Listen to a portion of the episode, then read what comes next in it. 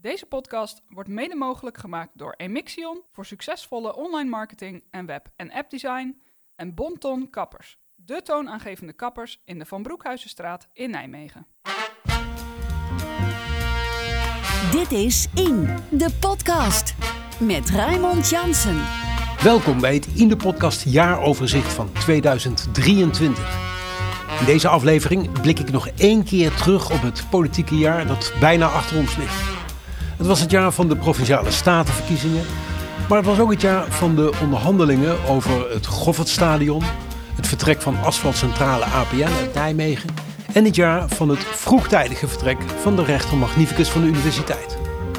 Maar 2023 was ook het jaar van de discussie over de verhouding tussen oppositie en coalitie. En het jaar waarin er vaak werd gepraat over de politiek zelf. Inspraak, participatie, transparantie.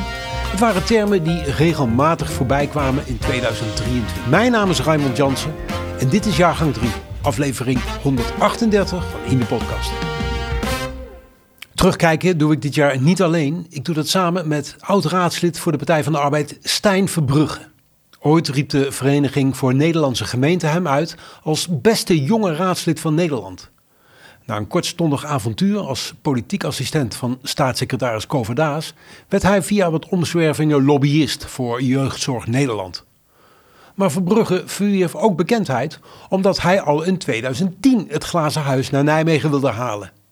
Dat lukte toen net niet, maar Verbrugge kwam wel een heel eind. Het begon heel klein. Uh, online zelf een petitie gemaakt in 2009 dat ik vond dat het in 2010 wel mooi in Nijmegen zou staan. En Ja. dat kreeg uh, buitengewoon veel aandacht en buitengewoon veel steun. Ja. Uh, dus heel veel mensen kwamen zich bij mij melden dat ze daar van alles ook mee wilden doen om te helpen. Ja. Een van de eerste was een vormgever, die wilde wel een soort affiche maken daarvoor. Uh, de volgende was die dat affiche dan wel groot af wilde drukken. De volgende was die daar wel wilde helpen om daar 30.000 postkaarten van te maken. Ja. Die, die, iedereen individueel naar 3FM kon sturen. Ja, en zo volgens mij, wij woonden- rolde het langzaam uit tot een enorm Ja, precies. happening. Wij woonden toen bij elkaar in de buurt. En ik kan me nog herinneren dat ik volgens mij die postkaarten nog hier en daar in de brievenbus gedaan heb. was, dus, er eh, was enorm animo om dat overal mee te helpen. maar het kwam er niet van.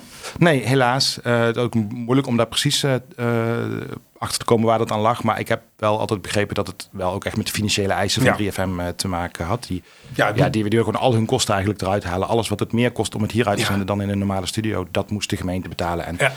Ik geloof dat de gemeente toen wel een serieus bod heeft gedaan, maar niet eh, dat helemaal. Heeft Het ging toen naar Eindhoven, moesten we net even opzoeken. Want Ja, we wisten ja het ik was het ook vergeten. Ja. En, en we hebben een paar jaar daarna hebben we het steeds opnieuw geprobeerd. Dus, dus we, zijn, we hebben ook wel meerdere keren verloren. Om maar even zo Oh, eh, te dat zeggen. is niet volgens maar mij, hè? dat was minder, minder groot hoor. Maar de, een, een aantal enthousiastelingen, ik, ik ben daar zelf steeds minder actief in geworden. Maar een aantal van de mensen die bij de eerste keer heel enthousiast waren, die Ja. zeiden, we proberen het volgend jaar weer. en we Ja, ja, het volgend ja, jaar ja, weer. ja, ja, ja, ja. Rode, Rode Kruis was toen het goede doel, geloof ik. Hè? En nu is het dan ALS. Ja. Nou, altijd wel, eh, het is wel een beetje vergaande glorie inmiddels. Hè? Dat, dat Ja, dat, dat idee had ik ook wel. huis. Want toen het, toen het bekend werd dat het in Nijmegen kwam, dacht ik, nou ja, leuk dat het. En ook wel leuk dat meteen aan je gedacht wordt, omdat je toen die actie had. Ja. Leuk dat het hier komt, maar het is niet meer wat het toen was. Nee. Maar ik moet zeggen, als ik nu in de stad kijk, maar en ook als ik eh, zie hoe snel de bedragen oplopen Ja. en dat soort dingen, Ja. dan.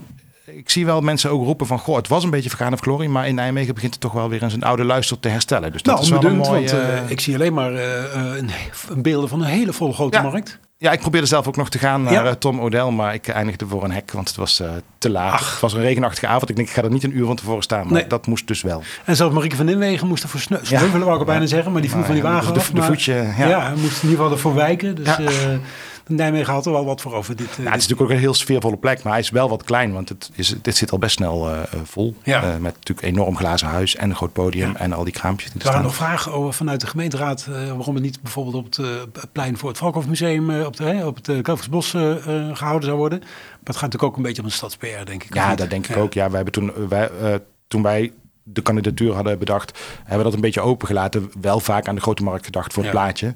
Maar ook wel een andere locatie als je echt veel meer mensen kwijt wilde. Maar ik kan me wel voorstellen als je de beelden die best wel viraal gaan over dat iedereen meezingt met zo'n liedje van Tom O'Dell. En dat Ja. dan in die setting van de, ja, de wagen en al die oude gebouwen en de kerk. Nee, het is natuurlijk fantastisch. Dit is In, de podcast. Asfaltfabriek APN hield de gemoederen ook in 2023 goed bezig.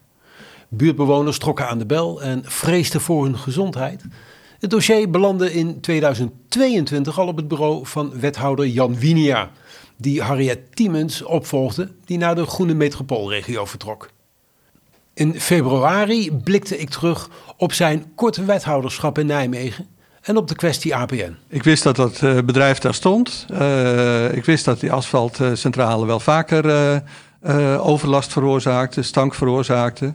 En dat bewoners dat heel vervelend vinden. Dus dat was, dat, dat was geen nieuws voor mij. Nee.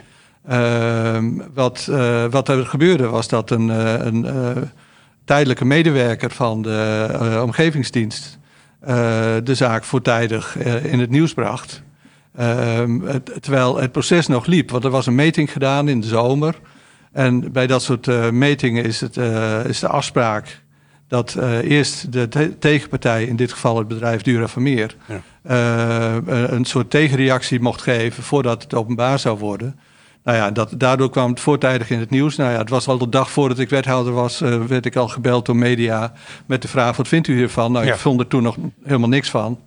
Uh, maar ik ben daarna natuurlijk hier wel heel erg mee, veel mee bezig geweest. Ja. Het was Cor Koenradi waar, waar, u het over heeft. Hè? Die tijdelijke medewerker. Die had een rapport geschreven in opdracht van de, van de provincie. En is daar later op persoonlijke titel ook mee, mee doorgegaan. Hè? Um, hij kwam toch op zich wel met informatie waar je als bestuurder um, heel serieus naar moet kijken. Ondanks de timing ervan. Nou, weet je, op dat moment wist ik niet dat het Cor was. Uh, want in die zin, je kunt er van alles van zeggen dat, dat mensen. Uh, de klok eh, zoeken, eh, klokkenluider eh, willen uithangen. Uh, maar ik vind ook dat ze dat eerlijk moeten doen. En dus Wat geval, deed hij niet eerlijk? Nou ja, hij heeft het gewoon stiekem naar de krant gebracht. En de krant uh, uh, beschermt haar bronnen, dus ik wist niet waar het vandaan kwam. Nee. Ehm, dus ik ben moeten gaan zoeken van wat is hier nou precies aan de hand. Uh, in plaats van dat ik veel, veel sneller uh, had kunnen ingrijpen. Ja. Dus, ik heb hem ook gesproken in deze podcast. En hij zegt, ik had al herhaalde malen met wethouder Tiemens, met uw voorganger gesproken. Uh, maar daar kwam er geen reactie op, dus ik had niet zo heel veel keus. Nou, dat, ja goed. Ik, ik ga niet oordelen over wat met mijn voorganger is besproken. Weet ik ook helemaal niet. ik geef alleen maar aan dat ja. het, dit, het proces wat ik zelf heb in gang gezet met de asfaltcentrale... Ja. dat dat veel sneller had gekund als de zogenaamde klokkenluider rechtstreeks contact had opgenomen. Ja, maar het feit dat hij, hij, dat hij vanuit zijn perspectief vond dat hij dat al gedaan had, was wat u betreft dan niet uh, aan de orde. Ja, weet je, daar kan ik helemaal niks over zeggen. Dat, dat, ik, ik, weet, ik weet niet dat hij dat heeft gedaan. Ik was al twee maanden uh, wethouder. Toen kwam ik pas achter, via, via, via, dat hij degene was die uh, de, de zaak naar de krant had ja. gesleept. Uh, en dat had allemaal veel eerder gekund. Ik ben daarna gewoon met, uh, met in gesprek gegaan hoor. Dus we, het, het, is niet zo dat ik nu uh, daar verder nog, nog moeilijke dingen over wil zeggen. maar dat had sneller gekund. Eind van dit jaar werd bekend dat APN Nijmegen zal verlaten. De gemeente nam het bedrijf over en legde daar bijna 7 miljoen euro voor op tafel. Dit is In, de podcast. Terug naar Stijn Verbrugge. Ooit was hij dus een aanstormend talent in PvdA-kringen. En ik, ik, zei het al, de VNG riep hem uit tot het beste jonge raadslid van Nederland. Hoe dat zo kwam, vertelt hij zelf. Zichtbaarheid was een ja. heel belangrijke factor.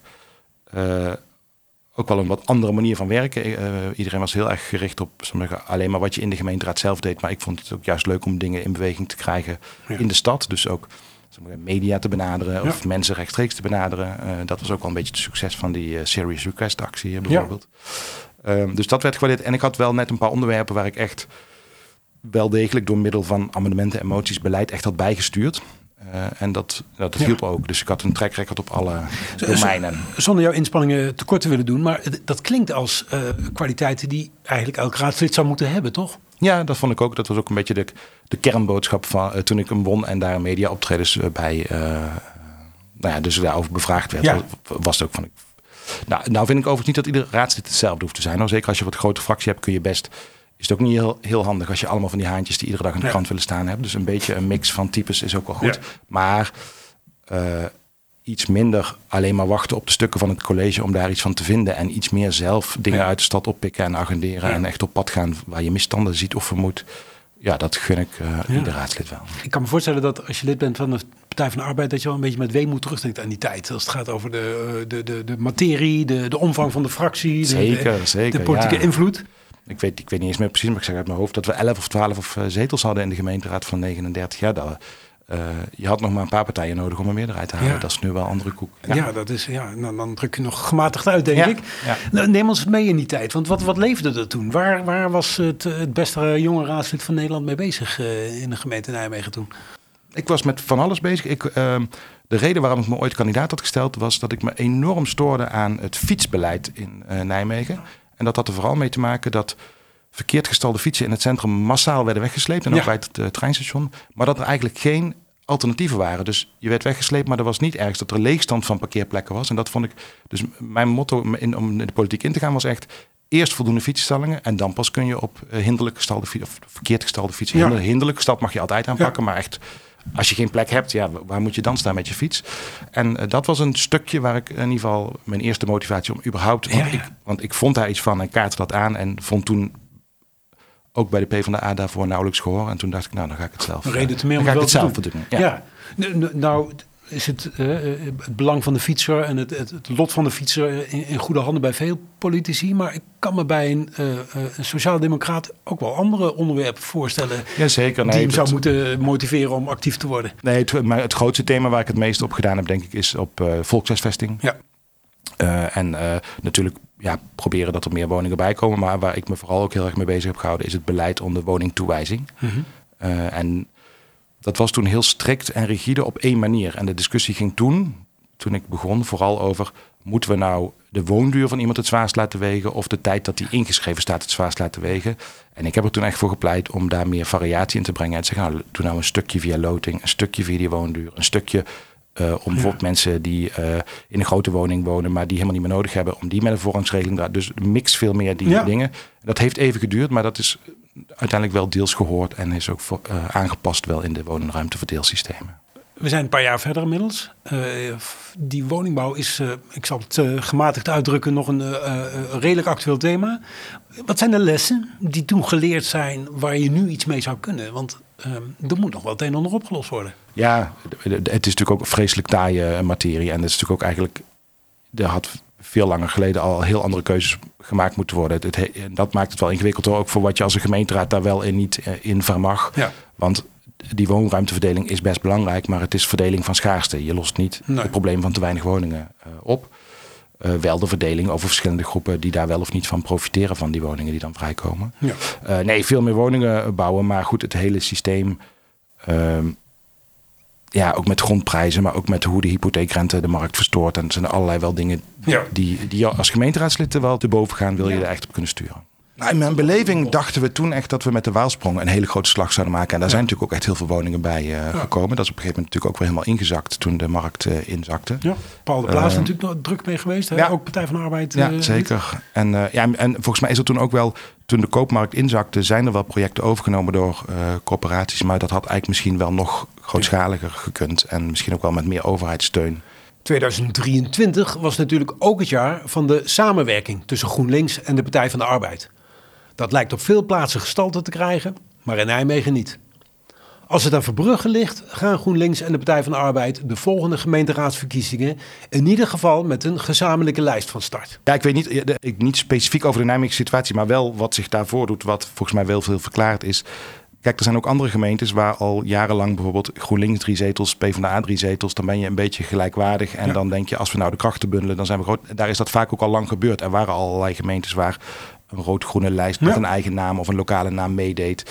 En dat ging goed. En eigenlijk is ook de, ehm, de, de discussie over samenwerking in de landelijke politiek ook al veel langer geweest. Maar dan was vaak de PvdA toch veel groter. Dus dan was ook in de verhoudingen en hoe doe je. Dus Het was allemaal niet nodig. dat ze allebei een beetje geminimaliseerd waren, hielp dan wel. En Ja. dan is in Nijmegen dus eerst heel lang de PvdA veel groter geweest. Nu al een hele tijd GroenLinks veel groter. Ja. Ook dat één van de twee dan in het college zit en de ander niet. Dat maakt het wel. En dat speelt wel in meer gemeentes hoor. Ik heb er wel meer mensen ook in andere steden over gehoord. Dus in sommige gemeenten zijn ze ongeveer qua grootte gelijk. Of zitten ze ook samen in het college of samen in de oppositie. Dat maakt het wel een Ja. stuk makkelijker om de stap te zetten dan eh, En eh, dit. het fenomeen oud zeer. Dat zal ongetwijfeld eh, eh, meespelen. Ja. ja. Ja, want wat, wat is je inschatting? Nou ja, wat ik als ik een beetje zo rondluister, dan, dan laat ik het zo zeggen. Er zijn in allebei die partijen mensen heel erg fan van het samengaan, ook landelijk. En, eh, en ook wat mensen die dat minder zien zitten.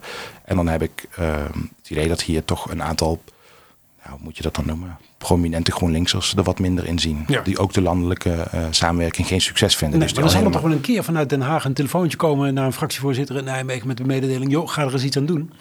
Ja, het lijkt me dat nu ongeveer ook de tijd hebben. Wat hebben we nog? eh, Tweeënhalf jaar. 2,5 jaar. Ja. Dus, dus nu, zal, nu moet wel het gesprek in ieder geval. Want als je het samen wil doen, moet je ook goed kijken naar eh, hoe stel je die lijst samen, hoe stel je één programma samen, Ja. eh, eh, draagvlak bij allebei die denken, achterbannen. als het in Den Haag lukt, dan moet het toch in een eh, provinciestad als Nijmegen ook lukken. Of, of zie ik dat, ben ik dan Nou, naïef, het, het, het, het- het grote verschil tussen dat je in, in de coalitie en in de oppositie zit... en dat dat ook bijna je dwingt om soms... dus op heel veel dingen ben je het natuurlijk gewoon eens. Net zo goed landelijk als lokaal. Maar als je samen in de oppositie of samen in de coalitie zit... kun je wat meer samen... Dat nodigt meer uit om het gezamenlijke te benadrukken. En Ja. anders nodigt meer uit de verschillen op te zoeken. Dat is natuurlijk toch hoe profilering Nee, in de politiek ook werkt. De- we, stellen net vast, over 2,5 jaar zijn er weer gemeenteraadsverkiezingen. Dat betekent dat er anderhalf jaar geleden ze ook ongeveer waren. Ehm, toen waren de coalitieonderhandelingen. Dat zou natuurlijk ook een moment zijn geweest. Waarin je kunt zeggen, we eh, zetten wat oude, we doen wat oud pijn, eh, zetten we aan de kant en we gaan kijken of het wel kan. Ja, dat, het heeft me ook wel verbaasd hoor. Dat, eh, dat ze elkaar niet meer hebben weten vast te houden. Want dat is op andere plekken wel gebeurd. En daar kan je ook weer van alles van eh, vinden. Maar bijvoorbeeld bij in de Gelderse politiek heeft PvdA wel Ja. GroenLinks erg vastgehouden. Dat betekent dat ze nu allebei in de oppositie zitten. Dus Ja. je kan altijd evalueren wat je van zo'n strategie vindt. Maar ehm, dat, dat maakt de volgende stap wel makkelijker. Ja, je zit allebei in de oppositie, maar je, je, je geeft wel een duidelijk signaal af, ook aan je achterban, dat je bereid bent om samen te werken. Ja. Dat signaal heb ik in Nijmegen op geen enkele manier gezien. Nee, ik moet, nee, ik, ik moet zeggen, ik ben niet meer zo heel actief hoor. Dus ik ben gewoon een slapend lid en volg alles met belangstelling. Dus ik weet ook niet precies wat er achter de schermen al wel of niet eh, gebeurt. Ik ben wel nog we- ge- geweest naar de uitslagenavond van de landelijke verkiezingen die hier dan. En die was wel van de twee eh, afdelingen samen. Ja. Dus dat is in ieder geval wel, wel, eh, daar zat wel gezamenlijkheid Ja. Wat ik nog niet helemaal heb kunnen opmaken uit je woorden, is ben je wel of geen voorstander van die samenwerking? Ik ben van de landelijke samenwerking heel erg eh, voorstander en vind dat in principe voor lokaal ook een goed idee. Ik voel een maar aankomen. Maar het is vanwege al die gevoeligheden wel ingewikkeld. Dus ehm, ik zou er vol voor gaan. Maar als er, echt om, ja, als er echt op prominente plekken mensen zitten die het echt niet willen, dan, ja, dan, moet je er, dan moet je daar ook rekening mee houden. Want als je alleen maar een campagne gaat voeren met een intern verdeelde club, dan eh, Ja. kom je ook niet ver. Of je, je moet wel eenheid uit kunnen scharen. Of je neemt afscheid van de mensen die het geen goed idee vinden. Ja, precies. Dat is ook. eh, Ik weet geen namen en rugnummers, tenminste, ik zal ze hier niet noemen, maar dat zou dan een oplossing kunnen zijn. Maar dat is ook iets waar, waar partijen denk ik eerst ieder voor zich eh, hun mind op moeten maken en eh, hun beleid op moeten voeren voor de volgende stap gezet. Maar we zijn het erover eens dat als je in 2026 niet met een gezamenlijke lijst komt in Nijmegen, Ja, ik zou niet weten waarom je dat niet in ieder geval naar zou streven. Dit is In, de podcast. Verbrugge verwees er al even naar. In de provincie hielden de twee partijen elkaar wel vast. Dat leidde niet tot coalitiedeelname, iets wat wel was weggelegd voor de boer-burgerbeweging, die in Gelderland wordt geleid door Rick Loeters. In maart sprak ik met hem op de dag dat hij als statenlid werd geïnstalleerd. Nou ja, eigenlijk was het zo dat ik in het presidium wilde overleggen van hoe werkt het precies. Wij zitten eraan, wij willen eigenlijk zo spoedig mogelijk eh, het, het debat over de wolf voeren. En eh, ja, dit is dus eh, een spoeddebat geworden. 12 april zal het behandeld worden. Maar natuurlijk ook een beetje het visitekaartje afgeven. Hallo, we zijn er en we gaan meteen over de wolf praten. Nou nee, dat is eigenlijk gekomen door de actualiteit dat in Renkum die 21 eh, schapen zijn doodgebeten. Anders hadden we gewoon, want dat, dat, dat, daar kwam ik ook achter dat het, eh, de SGP, het CDA en ook de VVD al een, een, een agendastuk hadden ingediend eh, in februari. Maar ja, als je dat proces van het, het hele Bob gebeuren afwacht, dan zit je ergens eind mei Ja. dat het pas behandeld wordt. En wij vinden toch nu echt wel dat, het, dat het nu aan de orde moet komen. Vandaar een spoeddebat. We gaan straks uitgebreid wat, meer over de inhoud hebben. Maar heel even, waarom een spoeddebat over die wolf? Wat is er mis met de wolf? Eh, die, die is zich nu eh, enorm aan het uitbreiden, eh, zeg maar. En, en je zult zien dat die, dat die eh, slachtingen onder, onder schapen of, of hobbydieren, dat dat, dat het hand over hand zal toenemen. En wij vinden dat dat eigenlijk een halt toegeroepen moet worden. En inderdaad, wij zijn pas vandaag geïnstalleerd. Dus ik mag mij pas sinds vandaag statenlid eh, noemen. Anders hadden we het misschien al wel eerder gedaan. Want ik heb al eerder contact gehad met de Griffie. En toen kreeg ik netjes te horen, eh, dat is heel leuk Rick, maar jij bent nog geen statenlid. Het spoeddebat kwam er inderdaad. En de motie van de BBB om wolven af te schieten werd voor de stemming weer door de nieuwkomer ingetrokken. Volgens gedeputeerde Drent was de motie niet uitvoerbaar. Dit is In, de podcast. Nog niet zo lang geleden werd bekend dat burgemeester Bruls nog eens zes jaar burgemeester van Nijmegen mag zijn. De gemeenteraad, die daarover gaat, stemde in met een derde termijn voor Bruls. Als hij die termijn uitzit, is Bruls 18 jaar burgemeester van Nijmegen geweest. Ik vind het geen goed idee. Maar eh, dan klinkt het meteen alsof ik eh, iets tegen Bruls zou hebben, wat ik totaal niet heb. Want het is volgens mij een hele goede burgemeester. Ehm, maar het heeft veel meer te maken met een visie op macht en hoe je daar ook tegenmacht tegenover zet. En als je ziet hoe kritisch we als land zijn op Rutte, die te lang gezeten heeft, dan kan ik dat moeilijk rijmen met dit besluit om hem uh, er langer neer te zetten. Ja. En ook zonder iets negatiefs te willen zeggen over mensen, maar de, het kaliber van je wethouders, het kaliber van Paul de Pla, het kaliber van Hubert Bruls als wethouder destijds, misschien ook, er zijn er nogal meer te noemen, maar echte zwaargewichten, die zie ik nu niet echt. En dan is uh, Bruls wel echt een door de wol geverfde uh, bestuur. Dus ik zie, um, ik zou het voor, het voor de macht en de tegenmacht vind ik het eigenlijk niet zo verstandig om, uh, ja, dat zijn hem twee zo dingen. hè, te laten. Je, je zegt enerzijds is het een soort Champions League burgemeester naast een, uh, een keukenkampioen divisie wethoudersploeg. En misschien gaat hij wel een beetje naast zijn schoenen lopen. Dat doet hij nog, maar je weet maar nooit. Uh, de, de, het machtsevenwicht raakt verstoord. Ja. Maar dat is toch ook een afweging die hij ongetwijfeld zelf ook gemaakt heeft. Hij heeft landelijk geopereerd toen hij voorzitter van de Veiligheidsberaad was. Dus hij heeft ook uh, op een ander niveau aan de knoppen gezeten. Zeker. Maar ja, hij, hij, hij, heeft zeker zelf die keuze gemaakt. Maar dat is nog een andere vraag of ik het een verstandige keuze vind. Nee, natuurlijk. Maar goed, maar je zou, want ik, ik, ik, denk dat als jij dat verschil in niveau ziet, dat Bruls dat zelf ook zien. Ja, maar ik denk dus dat het voor hem heel fijn is. Ja, ja. Uh, als hij uitgesproken opvattingen heeft over dingen die hier in de stad moeten gebeuren, dan, dan, dan kan hij die redelijk makkelijk met zijn ervaring ja. door dit college loodsen. Ik zou hem dan wethouders gunnen die daar nog meer tegenwicht kunnen geven. Of de stad gewoon weer een nieuwe burgemeester. Want hij gaat toch een keer weg. Dus de, ja. het is ook niet dat er nu het grote verschil... Maar ja, zoals gezegd, het is niet een disqualificatie. Maar het gaat meer over macht, tegenmacht. Hoe lang zit je op een plek? En word je dan ook niet ja. te machtig door kennis en ervaring? En is het niet tijd om gewoon... Ja, nou, stel dat hij in de derde termijn uitzet, dan zit hij er 18 jaar. Dat lijkt me echt lang. Ja. Zit er in die wethoudersploeg dan niemand die ook maar een klein beetje tegenwicht kan geven aan ja, iemand van het Kaliber Bruls? Nee, dat, natuurlijk wel. Uh, maar het is wel echt een verschil, denk ik, met het college waar Bruls en de Pla zelf in zaten. Dat, ja. dat, dat, uh, maar ik denk dat iedereen die de Nijmeegse politiek een beetje uh, gevolgd heeft door de jaren heen, wel het verschil ziet in, ja. In stevige wethouders die echt het grote verschil maken. En wethouders die natuurlijk allemaal ook hun goede dingen doen. Ja. is niet, volgens mij hebben we gewoon een prima wethoudersploeg. Hè? Dus wederom, want het, het klinkt altijd gauw alsof je daar mensen Mhm. negatief hoort. Maar dat bedoel ik niet. Maar, maar echt het echte kopstukken of toppers waarvan je denkt die uh, over twee jaar worden die uh, minister of, of maken die een hele grote stap in zoiets.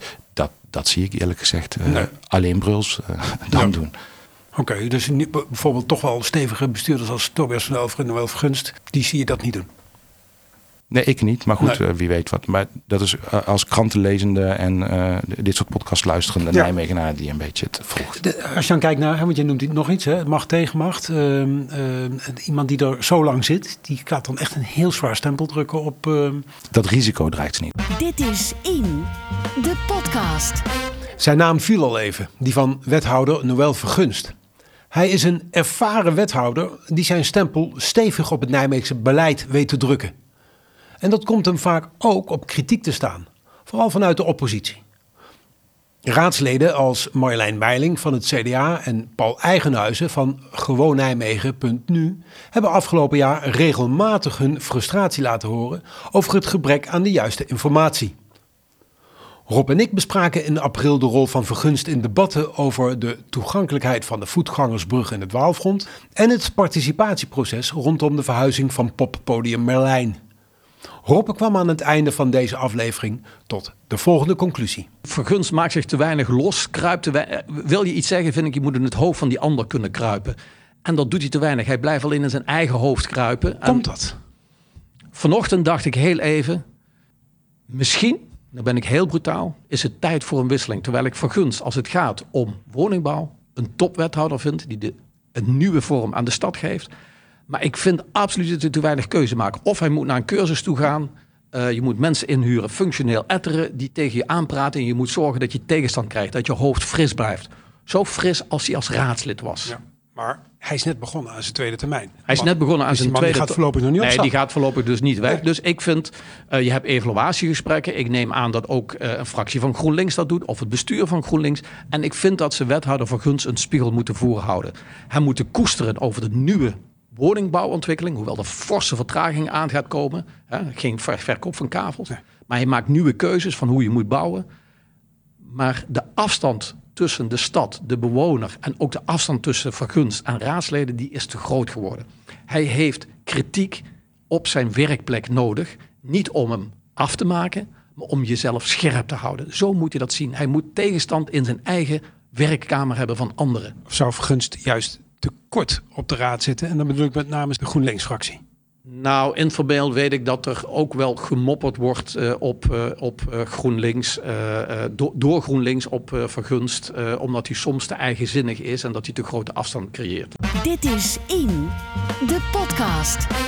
Weer even terug naar Stijn Verbrugge. Toen toenmalig gedeputeerde en partijgenoot Kover Daas werd gevraagd om staatssecretaris te worden, vroeg hij op zijn beurt of Verbrugge zijn politiek assistent wilde zijn. Dat werd een heel kort avontuur. Het was een bijzonder kort avontuur. Ja, vertel eens, want hoe, hoe, kwam, dat, hoe kwam dat tot je? Die, was dat, is dat persoonlijk contact met, eh met Verdaas die, die jou polste om te vragen van joh, heb je zin om mee te gaan? Jazeker, ik eh, werkte bij de provincie Gelderland als eh, perswoordvoerder, onder andere voor, eh voor Daas. En ik had daarvoor heel lang bij de Tweede Kamerfractie van de PvdA gewerkt, dus ik kende wel het Haagse van binnen en van buiten.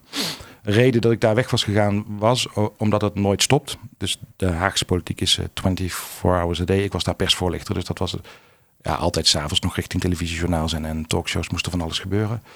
Ehm, en ik zat in Nijmegen in de gemeenteraad. Ik woonde in Nijmegen en had inmiddels kinderen gekregen of een eerste kind gekregen. En dat was echt gewoon niet meer te Nee, die combineren. optelsom was... eh, ja. Eh, dus ik was dichter bij huis gaan werken. En dat was bij de provincie Gelderland, waar ik een paar jaar dus eh, perswoordvoering deed voor eh, VVD-gedeputeerde Marking en voor Koverdaas. Ja. Eh, hij werd gevraagd eh, als staatssecretaris en vroeg aan mij eh, of ik mee wilde als zijn politiek assistent. Dat klinkt toch ook als een baan met, een, met veel uren? dat was ook de reden om in eerste instantie te zeggen: super eervol dat je het aan me vraagt, maar ik ben niet voor niks uit Den Haag weggegaan en dit lijkt me niet zo'n goed idee. Vervolgens is hij het circuit ingegaan dat dan ook de partij allerlei pol- politieke assistenten aan je voorstelt. En toen kwam hij bij me terug en zei hij, ja, eigenlijk zie ik dat gewoon toch niet zo zitten. En ik snap best dat jij met je gezin, en hij woonde toen zelf ook in Nijmegen. Eh, dus hij zei, joh, ehm, je kan af en toe met me meerijden. Hij kreeg een appartement in Den Haag. Hij zei, daar maak ik mijn kamertje waar jij kan slapen. En als jij op vrijdag gewoon thuis wil zijn bij je kinderen, dan als ik je maar even kan bellen of appen, dan, eh, Ja. dan is het ook goed. En onder die omstandigheden ben ik toen. eh, Hij wilde je graag hebben. ja, en, en het was natuurlijk ook hartstikke eervol en leuk. Dus, Ja. maar ehm, ik had dus, ik maar zeggen, zijn rugdekking om me niet helemaal op te laten slokken door zo'n ministerie, wat dan verwacht dat je er altijd bent. Eh, en onder die omstandigheden kon ik dat wel Ja. eh, doen. Totdat er iets bleek met het declareren van kilometers aan de hand te zijn. Ja. Om het echt helemaal eh, te ontleden, heel ingewikkeld. Maar als je het heel kort door de bocht zegt, dan is het zo dat hij regelmatig in Zwolle verbleef, terwijl hij in Gelderland hoorde te verblijven. Dat dat op zich door het college en zo was goedgekeurd. Alleen dat als hij dan met de auto naar zijn werk reed, hij, eh, had ge, hij dacht, weet je, dan declareer ik gewoon de kilometers Nijmegen-Arnhem. Dat vind ik netter dan die, dat ik toevallig bij mijn vriendin in Zwolle slaap. Daar Ja. hoeft niemand voor mee te betalen. Nee. Eh, maar dat is dan uiteindelijk een declaratie voor een rit die je niet gemaakt hebt. Dus hij is, het heel cru, maar eigenlijk gesneuveld op dat hij eh, te weinig declareerde, zou je bijna Ja. kunnen zeggen. Dat duurde al met al? Ja, dikke maand of zo. Ik wou ja. zeggen enkele weken. Hè? Ja. Niet, ja. Het was rond, ik weet nog wel goed, want het gebeurde allemaal rond Sinterklaas. eh, dus op een gegeven moment was duidelijk dat, dat die zou aftreden. En toen was het de vraag of dat nog op 5 december pakjesavond zou gebeuren. Of op 6 december in de ochtend. En mijn gezin zat thuis te wachten. Dus op een gegeven moment moesten we gewoon de knoop doorhakken. En eh, ik weet niet eens meer welke van de twee het geworden is. Nee. Maar eh, ik weet nog wel, voor mij is Sinterklaas altijd nog een klein beetje een herinnering aan die periode. ja, juist. Ja, ja het stond je. Ja. Ja, want in principe is zo'n baan gekoppeld aan een bewindspersoon. Ehm, maar natuurlijk ben je wel als eerste in beeld ook bij een volgende bewindspersoon. Sharon Dijksma volgde hem op. Ja. Eh, die kende ik ook wel uit de tijd dat ik in Den Haag eh, bij die fractie had gewerkt. Dus daar heb ik een gesprek mee gevoerd. Alleen daar was het, het grote verschil. Zij zat, zal ik maar zeggen, omgekeerd in de wedstrijd. Zij woonde volgens mij in Enschede, had zelf een jong kind en zei: Ik wil af en toe, ondanks deze drukke baan, ook thuis bij mijn kind zijn. En dan Ja. heb ik een politiek assistent nodig die altijd in Den Haag het Ja. fort bewaakt. En toen kwamen we al vrij snel tot de conclusie dat dat nou net niet was wat ik Nee. ambieerde. Dus eh, Op enig moment kwam het onderwerp jeugdzorg ter Ja. sprake. ja, want het was. eh, ehm, ik kon daar eh, wel blijven werken, maar ik moet eerlijk zeggen, als je dus alleen maar naar Den Haag gaat, eigenlijk omdat je zo dicht bij die staatssecretaris onder allerlei specifieke omstandigheden kunt werken, dan is het niet heel aantrekkelijk om gewoon. ehm, voor een gewone ambtelijke baan iedere dag naar Den Haag te reizen. Dus dat, dat had ik, dat was voor de lange termijn gewoon eh, geen ding. Dus ik was eh, vacatures aan het kijken. Ja. En, ehm, en daar kwam gewoon de vacature in een krant of in een blad voorbij. Eh Jeugdzorg Nederland zocht strategisch communicatieadviseur. Voornamelijk perswoordvoering, maar ook wel affiniteit met het ondersteunen in de public affairs. En dat paste wel aardig op de dingen die ik tot dan toe gedaan had. Ja. En daar werk je nog steeds. Ja. Inmiddels, eh, zeg maar, is de verzamelnaam lobbyist. Ja, dat is de, zou, zo zou je het in de volksmond noemen. Op mijn visitekaartje staat eh, coördinator public affairs. Maar ja. Lobbyist. het is ook meer dan alleen lobbyist, maar dat hoort er zeker bij. Ja. Ja. Dus je hebt een heleboel nieuwe woordvoerders eh, kunnen ontmoeten eh, sinds er een nieuwe Tweede Kamer is. Ja, we hebben pas ook een bijeenkomst georganiseerd. Dat deden we samen met andere branches die actief zijn in de jeugd en met de beroepsverenigingen en met allerlei eh, cliëntenorganisaties. Om die nieuwe Kamerleden nou ja, in ieder geval uit te nodigen om Ja. kennis te maken. En, Er zijn er een heleboel onderwerpen die heel erg top of mind zijn als je denkt aan de samenstelling van de nieuwe Tweede Kamer. Ik heb de indruk dat jeugdzorg daar nog niet zo bij hoort. Ja, voor mij wel Voor wel natuurlijk, natuurlijk, want maar- ik ben met niks anders bezig. Maar ehm, In, in de campagne bijvoorbeeld is het woord niet één keer, va- één keer gevallen. Nee. Ehm, Nee, er is ook heel, er is relatief weinig aandacht voor geweest. Ja. Wij, hebben- wij hebben wel een debat over het onderwerp georganiseerd, maar veel Kamerleden zeiden ook die daar waren, zeiden toen, of kandidaten die daar waren, die zeiden: dit is eigenlijk het enige onderwerp over dit onderwerp wat we, of het enige debat over dit onderwerp Ja. wat wij deze campagne. nou, ik heb aan deze tafel met eh, Marijke Sinhaven en Lisa Westerveld gesproken. Die waren er ook allebei bij. En die, Precies. eh, ja. En ook nu allebei ja, Kamerlid weer. Dus eh Mark Sinhaven heeft eh, onlangs afscheid genomen van de Nijmeegse Raad ook. Dus eh, ehm, hoe kan het eigenlijk? Ik snap dat er ehm, onderwerpen meer top of mind zijn. Hè. Bestaanszekerheid is duizend keer gevallen per, per half uur zo'n beetje. Migratie bleek ook nogal een onderwerp te zijn. Maar jeugdzorg is toch een onderwerp waar veel aandacht voor is. Ehm, eh, als je de, de beide dames op Twitter volgt, dan zie je dat het onderwerp ongelooflijk veel reacties ehm, oproept. Toch blijkbaar dus niet voldoende om daar heel veel campagne op te voeren? Of, of, of... Ik denk dat een paar dingen daarbij speelden. Het ene is dat vlak voor de verkiezingen eigenlijk een heel breed akkoord is gesloten over hoe de jeugdzorg zou moeten verbeteren. Daar, daar verschillen de politieke opvattingen nog wel een beetje over of dat nou genoeg is of dat het helemaal is. Maar de hervormingsagenda jeugd. Ja. Dus als je net met z'n allen een soort akkoord hebt over de richting die je op wil, is het minder aantrekkelijk om daar heel veel debat over te voeren. Maar belangrijker nog, denk ik, want dat is wel waarom die aandacht sowieso al heel lang weinig is, is het is voor heel veel mensen toch best een ver van je bedshow. Hm. Als het over de ouderenzorg gaat, je weet zeker dat je zelf ook oud wordt. Of je ouders zijn oud of waren oud, of je oom en tante, je buurvrouw. Ja. Dus de zorg over welke zorg is er dan voor mij, die, die is altijd invoelbaar. Ja. En ook bijvoorbeeld de, als het over het basisonderwijs gaat, alle kinderen gaan naar de basisschool of naar speciaal onderwijs, maar in ieder geval dat is. Maar jeugdzorg is maar voor een klein groepje en voor heel veel mensen toch iets waar ze wat verder vanaf zitten of eh, denken dat zullen mensen het wel zelf naar gemaakt hebben of door allerlei dat soort vooroordelen of, of nou heeft niks met mij te maken gevoelens Nee. spelen wel waardoor, waardoor het relatief weinig Ja, aandacht in zo'n campagne krijgt denk ik. des te meer aandacht voor jouw functie natuurlijk binnen die organisatie. Ja, en om te zorgen dat het in ieder geval in de politiek wel eh, volop in de belangstelling blijft staan. En eh, nou ja, dat lukt wel, want er zijn wel veel debatten in de Tweede Kamer. En er wordt veel ook met moties en amendementen Ja. en voorstellen bijgestuurd. Het gaat ook, ook heel veel over geld. Het gaat heel veel over geld en het is ook heel ingewikkeld, omdat dat is ook wel een groot verschil met veel andere beleidsterreinen. Het geld gaat naar de gemeentes en die gebruiken het volgens weer voor de jeugdzorg. Bij heel veel andere onderwerpen kan de Tweede Kamer zeggen: we trekken hier nu zoveel geld voor uit en dan kun je het bij wijze spreken de volgende dag als organisatie uitgeven. Ja. Hier zit nog dat hele gemeentelijke beleid tussen en iedere gemeente die het op zijn eigen manier doet. En eh, Ja, dat is die decentralisatie jeugdzorg. Ik dacht ja, uit ja. 2015 of zo, 15, ja, eh, als ja. ik me goed herinner. Is dat een goed besluit geweest in de tijd? de manier waarop in ieder geval zeker niet. Het hele idee om gemeentes hier een grotere rol in te geven, juist omdat ze het kunnen combineren met andere, allerlei andere beleid, was op zich wel een goed idee. Het was destijds wel het idee dat we eerst naar grotere gemeentes zouden eh, streven. Dat is, nu- is die informateur Plasterk, toen was die minister. Ja. Die zou dat regelen, maar die heeft dat vrij snel eh, vakkundig, eh, nou ja, in ieder geval in de ijskast gezet, om maar in die terminologie te blijven. Ehm, dus dat is wel lastig, want dat was wel een uitgangspunt achter die hele decentralisatie. En waar wij toen al, want ik werkte daar toen net, eh, waar wij toen veel aandacht voor hebben gevraagd is, gooi het nou niet in één keer zonder regels over de schutting. Doe, doe het getrapt, dat je het Ja. langzaam over laat gaan van provincie naar gemeentes. Ja. Stel een paar spelregels wel. Nu wat je eigenlijk nu ziet, is dat er heel veel in de wet aangepast wordt om een paar dingen weer te kunnen standaardiseren. Dus oké, het ligt bij gemeentes. Maar jullie moeten wel allemaal volgens deze manier je factuur naar uh, afhandelen van aanbieders. Of je Ja. moet wel met deze tarieven werken. Of, Maar ligt er maar niet dat is het niet gemoeten. Ligt er niet een stap voor, namelijk de stap dat het niet afhankelijk moet zijn in welke gemeente je woont en welke zorg je krijgt. Want dat Nee. is natuurlijk nu ook gewoon aan de orde van de dag. Precies. En, en dat zijn dus allemaal dingen die aan de voorkant veel beter geregeld hadden moeten worden. Ja. Het is heel raar. De decentralisatie van de jeugdzorg is met een soort absolute beleidsvrijheid destijds gebeurd. En dat is eigenlijk echt heel gek.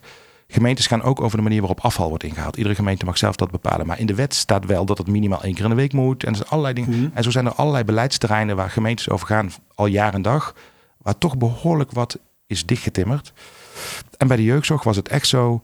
Het beleidsvrijheid voor gemeentes was een soort heilig mantra. Het, was, gemeentes wilden het dan wel doen. En ook de bezuiniging die erbij stond voor lief nemen. Maar dan moesten ze ook verder nergens last van hebben. En dat Het is heel was- erg gehonoreerd. Het was natuurlijk vooral ook een bezuiniging.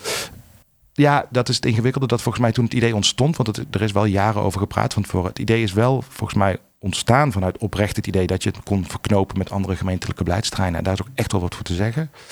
Maar het viel samen met een tijd van eh, economische neergang en Ja. een bezuiniging. En die bezuiniging is wel dominant geworden. Dit is In, de podcast. De verhouding tussen coalitie en oppositie. Het is een onderwerp dat vaak in onze podcast te sprake kwam. Een van die keren was toen het ging over de herinrichting van het winkelsteeggebied. De oppositie stelde voor om een onderzoek te laten doen om een aantal vragen dat nog open stond over het plan beantwoord te krijgen. Het werd een lang en fel debat, maar het onderzoek kwam er niet. Zo'n onderzoek, het zou in de recesstijd plaatsvinden. Ja, Dan wordt twijfel gezet, halen ze dat wel? ja. Nou, daar zijn afspraken over gemaakt. Dan denk ik van jongens, dit had het proces kunnen verstevigen, kunnen steunen. De- de- dat, dat had, had jou als wethouders een overwinningsduw Ja, kunnen geven. Want wethouders, er zaten wethouder Noël Vergunst Ja. eh, voor ruimtelijke ordening. En daar zat eh, wethouder John Brom, die ook eh, namens de bedrijven in Nijmegen spreekt. En ehm, ja, vooral Vergunst, en we hebben het wel vaker in deze podcast gehad, over, ook over zijn houding ten opzichte van de raad. Ja, het, het mocht niet en het zou niet en het ging niet gebeuren. Nee, en je moet luisteren naar die andere. Kijk, Brom kwam voorbij en die heeft met de ondernemers gesproken. En die zei telkens weer, er is een goed gesprek geweest. Een goed gesprek geweest. Een goed gesprek geweest. Vervolgens, pas na een reeks vragen, ja, wat is een goed gesprek? In een goed gesprek kun je ook botsen. Kun je ook vaststellen dat Ja, we het volstrekt met elkaar oneens zijn. En bedrijven hebben bezwaren ingediend. En als je weet van jongen, er ligt een angst naar de Raad van State. Dat kun je overigens ook met welk onderzoek kun je niet, nooit helemaal uitsluiten. Maar je, je, kunt wel een poging doen om de tegenstellingen te overbruggen. Ja, een goed gesprek is ook goed luisteren en soms meegaan in die ander. Je eigen gelijk bevechten is altijd fout. Ja, en wat mij ook opviel, Vergunst liet de moeilijke onderwerpen ook gewoon bij John Brom. Die mocht het oplossen als het ging over het antwoorden geven over de bezwaren van ondernemers. Over hè, dat, dat Ja, die kijk, ja, hij is de wethouder van economische zaken. Dus eh, ja, ja, dan, komt dat op zijn bordje. Want hij praat met de mensen in eh, de bedrijven en winkelsteeg. Ja. Hij gaf overigens ook aan met voorbeelden. Dan moet ik ook weer zeggen. eh, Novio Tech Campus, dat was het soort angst. Dat kun je heel zwart-wit neerzetten. Dat mag Ja. niks meer. Nou, de Novio Tech Campus krijgt binnenkort een nieuw gebouw. Heeft zelfs een aanbod gekregen van NXP om twee gebouwen over te nemen. NXP is ook bezig met, eh, met, met, met nieuwbouw. Je, hebt eh, bijvoorbeeld het bedrijf Hoester liggen. Die kan verhuizen eh, naar richting Wiegen. En ik Ja. denk dat zelfs zo'n bedrijf met, met dat gas... dat kan overal zitten. En zelfs in de richting Wiegen ligt het misschien wel beter qua uitvalswegen... Ja, dan op zo'n industrieterrein. Maar er zit bijvoorbeeld zo'n bedrijf als Plaza Foods. Ja. ja. die, die zijn bang over... ja, dadelijk gaan mensen klagen. En dan denk ik van, joh, laat nou zo'n onderzoek aantonen... Precies. dat er geen risico Ja, is. Want wat je natuurlijk ook krijgt, is, is de aankomende jaren, als er ook maar, nou ja, een, een verkeerde kleur tegel wordt geleverd, ehm, dan staat natuurlijk de hele oppositie op de achterste benen en zegt: Kijk, hier, we hadden het gezegd, dan gaat het al fout, had het onderzoek nou maar goedgekeurd. Dus dat krijg je natuurlijk ook. Die verhouding staat volkomen Ja. op scherp. Het debat duurde bijna twee uur. En aan het einde van het, eh, van het, dat agendapunt, moet ik zeggen, hè, duurde bijna twee uur. En eh, aan het einde was het eh, Paul Eigenhuizen van gewoon Nijmegen.nu. En die vatten het als volgt samen. Moties die door de coalitie worden ingediend, worden geïnterpreteerd. Die worden ehm, gezegd van ja, maar ik lees het anders. En, en als je dan vraagt van ja, maar god, dat staat er niet. Ja, maar zo lees ik het wel. En wordt dan gesteund door de voorzitter. Voorzitter, ik, ehm, ik, ik, mer- ja, maar ik, ik merk dat houdt mij er nu even buiten. Ik help u alleen maar in zo'n vergadering om aan te geven wat ieders mogelijkheid is om te reageren. Dat heb ik geduid. Dus moet u dat niet opvatten, want dat heeft u een paar keer gedaan. Nou, hij begint u mij tegen zich te te jaren. Door mij steeds in een bepaalde hoek te zetten, helpt u zichzelf ook niet. Dus gaat u verder met uw betoog.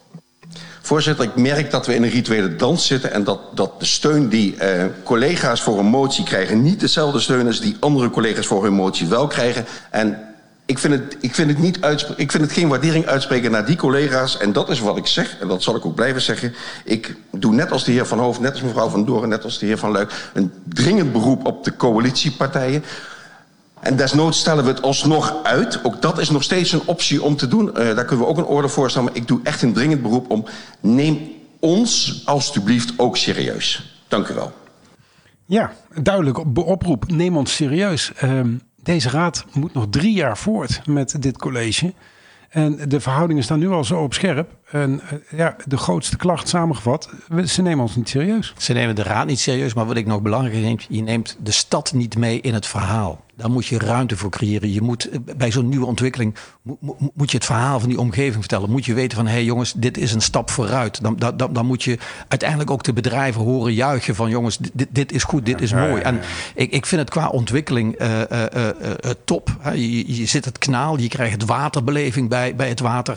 Het verleggen, als je naar de Neer Bos kijkt, je brengt die wijken dichter bij elkaar. Het, je, je creëert een andere omgeving in dat gebied. Ja, het, het, het hoort bij ja, het is best slim verdichten, maar het is goed. Maar dit had nooit mogen gebeuren. Dit is In, de podcast. En natuurlijk NEC.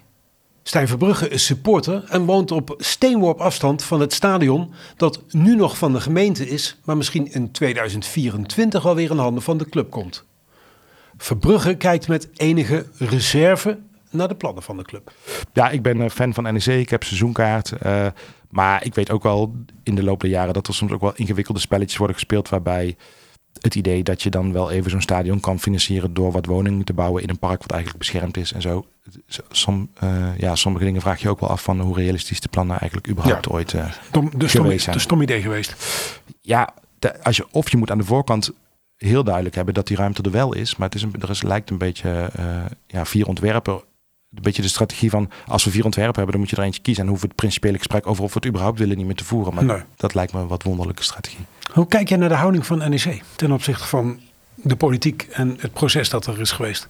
Ik vind dat best moeilijk om van een afstandje te beoordelen. Ik ben geneigd uh, NEC daar soms wel een beetje arrogant in te vinden of te denken dat ze door de massale steun die ze dan van hun achterban hebben, uh, dan, dan moet de gemeente wel meedoen of zo. Dus dat ze daar soms wat uh, iets te veel mee koketteren of iets te veel ja, zich een te grote broek aantrekken. Eh, maar ik kan niet helemaal overzien hoe dat in de nou, verhoudingen eh, met de gemeente De politieke antenne. Rob en ik hebben het in deze podcast vaak uh, daarover gehad. Heeft NEC goed doorgehad wat er nodig is om van de politiek te krijgen wat ze willen? Nee, ik denk totaal niet. Ik denk dat, dat, echt, dat ze daar ernstig, ernstig in tekort schieten. En dat zie je wel bij, bij meer type organisaties. Dat, dat is iets wat voor mijzelf zo vanzelfsprekend is. Dat het blijkt dat er helemaal niet is, zo te zijn. Ja, daar heb ik dus uiteindelijk ook mijn vak van gemaakt. Maar, uh... Ja, nou ja, vandaar. Dus vanuit die rol uh, is ook nee, de vraag... Tuurlijk kan je dat, nee, tuurlijk kan je, kun je dat veel slimmer doen. Ja. Marcel Boekhoorn is natuurlijk ondernemer, uh, gefortuneerd. Dus krijgt veel voor elkaar. Heeft natuurlijk helemaal niets met politiek. Maar heeft er desondanks nu toch mee te maken. Ehm, man betekent veel voor de club. Maar ik heb de indruk soms dat hij in dit geval beter zijn mond had kunnen houden. Of wat meer afstand had kunnen nemen tot het hele proces. Ja, als je hier iets in wil bewegen, dan, uh, ja, dan, dan zou ik veel meer op in, ieder geval niet het grote geld laten spreken, inderdaad. Dan, uh, dan doet NEC hartstikke mooie dingen. Als het ook gaat om maatschappelijke initiatieven in de stad, dan zou, dan zou ik daar wat even meer de verbinding mee gemaakt hebben. Ja. ja. Gaat het goed komen? Ik hoop het wel. We hebben een paar goede uitslagen waardoor we goed de winterstop ingaan. Dus dat scheelt een hoop. Maar, maar het is, uh, ja, dat stadion kan wel een opknapbeurt inmiddels uh, gebruiken. Dat Gaat het op die plek gebeuren? Dat hoop ik wel. Ik kan er heen wandelen ja, met mijn zoontje. Uh, ik vind het heerlijk. Ja, ik vind dat heel erg leuk. Nee, maar ik vind ook, ook wel... Kijk, als het ergens anders heen gaat, dan fiets of rij ik daar wel heen. Dat is het probleem ook niet. Maar ik vind het wel mooi, zo'n zo'n zo'n stadion op zo'n historische locatie. In zo'n park, midden in de stad. niet in het centrum, maar wel eigenlijk als je de, de plattegrond van Nijmegen bekijkt, toch centraal in de stad nergens Nee, anders voor te eh, gebruiken. nee, dus, dus, dus, de gemeente eh, heeft ook echt wel een belang dat, dat de club er blijft. Want stel Ja. dat ze verhuizen, zit je met een stadion waar je niets meer mee precies. kunt. Dat is doodzonde. Dus dat vraagt natuurlijk ook wel iets in de houding van de politiek. Ja, je mag toch veronderstellen dat, dat, dat je daar dus gewoon eh, ook een volwassen gesprek met elkaar over kunt voeren. Ja, volwassen gesprek. Daarvoor is nodig dat je alle informatie krijgt. Vooral eh, Paul Eigenhuizen, gewoon Nijmegen.nu, die heeft hard gestreden om alles te krijgen. Eh, nog niet zo lang geleden kreeg hij kort voor de laatste raadsvergadering van dit jaar 100 pagina's eh, in, in de maag gesplitst. Dat is toch ook, hoe zal ik het netjes zeggen, een kwalijke ontwikkeling dat dat zo gebeurt? Ja, zeker. En dat vind ik wel ook een voorbeeld van een van de betere raadsleden die dan zich daar wel in vastbijt en, Ja. en doorzet. Dus Ja. ga daar vooral mee door, zou ik zeggen. Ja.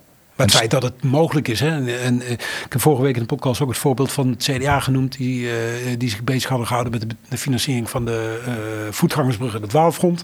Ook daarover was niet alle informatie verstrekt. Het lijkt een beetje een tendens te worden om dan toch maar een boel informatie bij het college te houden. En niet aan raadsleden te verstrekken. Als dat zo is, dan is dat wel duidelijk een teken van een bestuurscultuur die niet op orde is. Want je bent gewoon een overheid. Ja. Waarom zou je daar niet gewoon open en transparant over kunnen zijn? Kijk, het is wat anders als je zegt, we gaan dat laten doen. En als ik nu iets openbaar maak, dan weet die aannemer die het moet gaan doen... welke marges ik in dat gebouwd. En dan, dan, dan krijg ik een hogere offerte dan wanneer ik het... Ja. Dat is wat anders. Maar volgens mij is dat hier niet bij al deze onderwerpen Nee. per se zo. Afsluitend, van de jeugdzorg en NEC is het een kleine stap naar de natuurtuin in de Goffert. Yes. Want daar ben jij, wat is het, voorzitter van? Ja, voorzitter van het bestuur. eh, zeven jaar nu. Ja. Ehm, Voor de mensen die geen idee hebben wat het is. Ja, het is een hele mooie plek eh, tegenover het zwembad, eh, de Goffert. En naast eh, de, de Goffertboerderij waar een restaurant in zit. Ehm voornaamste doel is dat schoolklassen daar komen om natuureducatielessen te krijgen. En daartoe hebben we een hele grote groep vrijwilligers, waarvan een deel die lessen verzorgt. Dus wij hebben allerlei lessen ontwikkeld en daar staan allerlei materialen voor. Ja. Dat je echt dat kunt gaan doen met alle leeftijden. En dat wordt begeleid door mensen die het leuk vinden om die kennis over te dragen. Ondertussen moet die tuin wel beheerd worden en niet een soort wildgroei worden. Dus er is ook een hele groep die met onderhoud bezig is. Er zijn ook wat mensen die met de kruiden- en bloementuin bezig zijn. En het idee is dat we daar in die tuin een stuk of 12, 13 landschappen die in de buurt van Nijmegen voortkomen in het klein hebben nagebouwd. Dus er is een stukje heide, er is een stukje moeras, er zijn allerlei verschillende dingen. En ook de verschillende lessen voor die kinderen gaan over die verschillende landstaptypes. Alhoewel bij de allerkleinste maakt het niet zoveel uit in welk landschap je zit, want dan eh, eh, haal je wat torretjes uit de boom en ga je die met een vergrootglas bekijken. Maar evengoed, dat soort lessen zijn daar dus. Is het alleen maar Eh, voor kinderen bedoeld of ook wel voor... Nou, eh, het primaire doel is die natuureducatie voor kinderen. Ja. Maar we organiseren ook regelmatig eh, activiteiten, bijvoorbeeld een spinnentour of een eekhoorn. Dus voor, met gidsen die mensen echt daar kunnen rondleiden op specifieke onderwerpen. Dat eh, communiceren we veel via onze website, social media en via het blad Hart van Nijmegen. Ehm, en het is gewoon een, een, toegank, een eh, openbaar toegankelijk parkje. Ja. Dus Ja, je het kunt er lekker beetje- eh, wandelen, maar je kunt er zo in wandelen. Het als het- weggestopt, hè? Ja. Oh, nou, weggestopt. Het, het is niet in, heel, in het oog springende... Nee, je mag na zonsondergang er niet in, want dat is ook Kijk. om de natuur daar wel eh, ook een beetje te beschermen. En ook wel in de strijd tegen hangjeugd en zo, want dat is soms wel ook qua vernieling even tricky. Maar als je daar gaat wandelen overdag, ja, dit, het is fantastisch. En een paar jaar geleden hadden we nog een hele grote uilenfamilie, maar ik zie altijd als ik er wandel wel een eekhoorn of een mooie specht. Er, is, er, is, er komt ook allerlei eh, Ja. beesten komen op zo'n plekje af. Voor mensen die meer willen weten, wat is de website? Het is natuurtuingoffert.nl en we zijn nog op zoek naar een bestuurslid. Kijk, En we kunnen altijd vrijwilligers gebruiken. en die kunnen, geïnteresseerden kunnen zich ook aanmelden via Via diezelfde... die, via die website en dan website. komt het altijd goed. Of via een ander kanaal bij mij, dat komt, eh, komt goed. Tot slot, wat is je goede voornemen voor het nieuwe jaar? Poeh, zover was ik nog niet. Eh, Ik ben, ben eh, eh, achter elkaar doorgerold in werk dit jaar. Want het was een heel druk jaar, ook voor de jeugdzorg. Ja. Nou, mijn goede voornemen. Misschien weer eens wat meer met Nijmegen bemoeien. Word je ooit nog een keer wethouder hier? Nou, dat lijkt me op zich een hele leuke klus. Maar ik merk wel dat hoe verder je op afstand komt van, het, van die dagelijkse politiek, hoe meer je ook buiten beeld Ja. raakt. En dat er dan gewoon weer mensen nu natuurlijk daar zitten die dat misschien ambiëren en midden in de actuele dossier zitten. Dus het lijkt me heel erg leuk. Tegelijkertijd lijkt de kans dat, dat het zal gebeuren me wel steeds kleiner worden. Ik heb de indruk dat mensen nog wel weten wie Stijn Verbrugge is, als je ze hier en daar eens vraagt. Nou, je weet maar, ik, ik, eh, ik vind het leuk. Dat is het enige wat ik erover kan zeggen. Nou, het voornemen om in ieder geval meer met Nijmegen bezig Ja. te zijn, zou een voorbode kunnen zijn voor eventueel Zeker. vervolgstap. Goed, dankjewel. Yes. En dit was dan de allerlaatste podcast van 2023. Ik wil u danken voor het luisteren en het kijken naar deze podcast. Dank voor de reacties die we van u mogen ontvangen. Blijf dat vooral doen. Namens alle medewerkers van In de Podcast wens ik u een hele mooie en veilige jaarwisseling toe. En alle goeds voor het nieuwe jaar. Tot in 2024. Dit is In de Podcast.